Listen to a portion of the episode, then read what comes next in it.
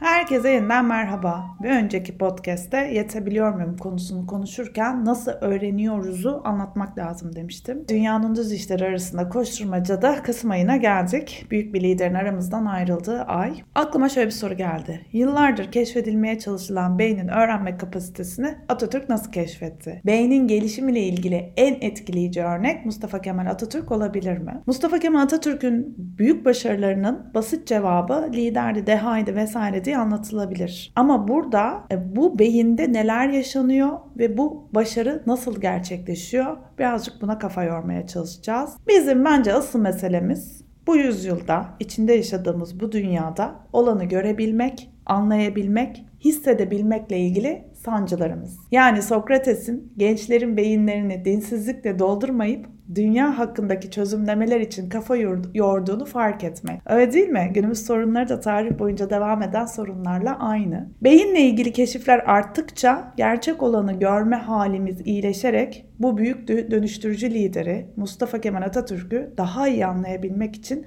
minik adımlar atıyoruz bence. Geçtiğimiz günlerde Doktor Sevda Sarıkaya beynin ölünceye kadar öğrenmeye devam ettiğinin bilimsel olarak kanıtlandığını anlatan bir tweet attı. Endüstri 4.0 ve dijital dönüşümde asıl konuşulması gereken şeyin işte bu insanın dönüşümü diye her yerde söylüyorum. Tüm podcastlerimde de bunu her seferinde vurguluyorum. Eğitimlerime katılanlar bilir, danışmanlığı yaptığım profesyoneller de bilirler. Bugünlerde de beynin işleyişinin keşfedilmesi işte bizim bu büyük devrime doğru yol aldığımızı bize gösteriyor. E, bugüne kadarki tıp eğitimlerinde özellikle vurgulanan şey şuymuş. Vücudumuzda kendisini yenilemeyen tek organ beyindir. Halbuki bugünkü bilimsel çalışmalarda hücresel yapıda bile beynin kendi kendine öğrenebildiğini okuyoruz. 2022 yılında Nature dergisinde yayınlanan bir bilimsel makalede beyin hücrelerini sanal dünyaya yerleştirerek Pong oyunu oynatmışlar ve gözlemlemişler ki raketin hareketine göre hücreler topa vurma eğilimi gösteriyorlar. Nasıl bir çalışma yapmışlar? Şöyle kısaca. Nöronlar topu vuracak şekilde tepki verdiğinde her seferinde aynı olan yerde ve frekansta uyarılıyorlar.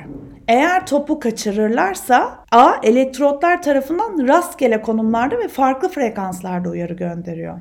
Ve zamanla nöronlar rastgele yanıt yerine desenli yanıtı almak için topa vurmayı öğreniyorlar. Yani bu minik beyin hücreleri hedefe yönelik görevleri kendi kendine öğrenerek başarabiliyor. Ve bomba olan ise şu. Bu nöronlar insan hücrelerinden türetilen nöronlar. İşte öğrenme bu nöronlar arasındaki bağlantı. Bu yeni nöronal ağ işte dost sohbetlerinde, şiir gecelerinde, yoğun heyecanların yaşandığı toplantılarda, seminerlerde, sanatta, müzikte gördüklerimiz, duyduklarımız, hissettiklerimiz birbiriyle kenetleniyor. Yeni tecrübe ettiğimiz dış etken eski tecrübelerimizin oluşturduğu önceki ağlar ile bağlantı kuruyor. Peki bizim genel tecrübemiz ne? Türk insanı olarak, Türkiye'de yaşayan bir birey olarak dijital dönüşümü anlatırken de en çok zorlandığım yerlerden biri. Danışmanlığını yaptığım kişi ve kurumlar sürekli olarak şunu konuşuyoruz. Bu işler düzelmez. Anlatacaksın da ne olacak? Bize değil patronlara anlat. Bu ülkede liyakat yok. Olsa biz de çabalarız vesaire gibi isyan tepkileri duyuyorum. Genellikle bizim genel tecrübemiz isyana odaklı. Eski köye yeni adet getirme diye de bir söylem geliştirmişiz. Bunu mühürlemişiz hayatımıza.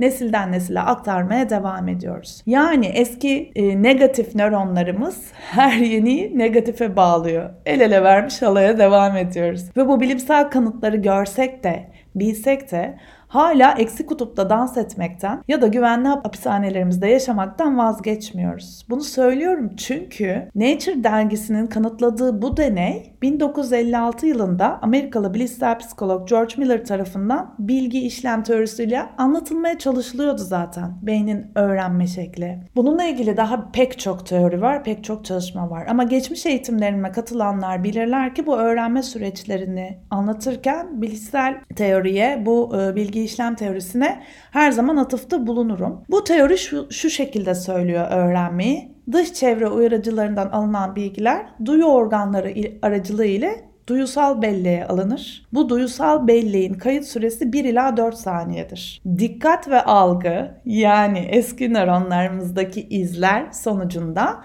bilgiler kısa süreli belleğe aktarılır. Bu bellekte bu bilginin tutulması 20 saniyedir. Buradan ya otomatik olarak davranışa dönüşür Atıyorum sorulan soruya cevap verilir. İşte bize verilen bir talimat gereği o davranışı hayata geçirmemiz gerekir. Oturduğumuz yerden kalkarız ya da işte spor yapmaya başlarız vesaire gibi. Ya da daha sonra kullanılmak üzere uzun süreli belleğe gönderilir. Burada birey yeni öğrendiği bilgileri daha önceki bilgilerle ilişkilendirerek uzun süreli belleğe kodlar. Bu kodlama da hatırlama ve tekrar etkisiyle gerçekleşir. İhtiyaç duyulduğunda da hatırlama ile bilgi kısa süreli belleğe, o 20 saniyelik belleğe geri getirilerek tekrar davranışa dönüştürülür. İşte yeni nöronal e, bağlar kurulur dediğimiz şey burada da var. Ve bilgi işlem teorisyenleri ayrıca şunu da söylüyorlar. Uzun süreli bellek dipsiz bir kuyudur. Sınırsız bir kapasiteye sahiptir. Şimdilik iddia ediyorlar. Belki yakında bunlar da kanıtlanabilir. Yani öğrenme bir kez gerçekleştiğinde ebediyen saklandığına ilişkin kanıtlar mevcuttur diyorlar. Ancak bilginin hatırlanması büyük oranda kaydettiğimiz yere doğru ulaşıp ulaşmamamızla yakından ilişkili. Yani zihin bir futbol sahası, biz tenis topu üzerinden davranışlar gerçekleştiriyoruz. Uygun yerden uygun olanı bulmak ciddi bir meziyet emek, kan, ter ve gözyaşı. Tamam, eski teorilerle yapıyı anlattık. Yeni bilimsel çalışmalarla beynin öğrenme şeklini kanıtladık. Şimdi yeni bir teorimiz var karşımızda. Diyor ki bu teori, geçmiş deneyimlerimizde tüm olaylarda bir de ben varım ve davranışımı değiştirebilirim. Burada sorulması gereken soru şu. Burada ne oluyor ve ben burada ne yapabilirim? Sormamız gereken soru bu ama alışık değiliz. Hep bizden başkaları düşünür, söyler, yapar, der ve işin içinden sıyrılmaya çalışırız. Yine geldik mi bizden bir şey olmaz, bu işler düzelmez. Anlatacaksın da ne olacak? Bize değil patronları anlat kafasına. İşte işin içinden çıkılmaz bir döngü bu. Bu da aslında çok normal. Ev hayatında, okul hayatımızda belli kurallar eşliğinde bizi belli bir yöne doğru programlıyorlar. Dünya koşturmacasında da bize durup düşünecek bir zaman verilmiyor. Kompleks hayatlar yaşadığımız için bizdeki değişimler kabul edilmediği için biz de değişikliği kabul edemez bir hale geliyoruz. Ama bu yeni teoride şunu biliyoruz ki bir şeyler ters gittiğinde bir durup ne yapabilirim diye düşünmek ve sonrasında da eyleme geçmek gerekiyor. Çünkü bu bilimsel çalışmalar şunu da söylüyor. Henüz meydana gelmemiş olaylar zihinde temsil edilir ve gelecekteki muhtemel davranışlar bizim kontrolümüzde. Kontrol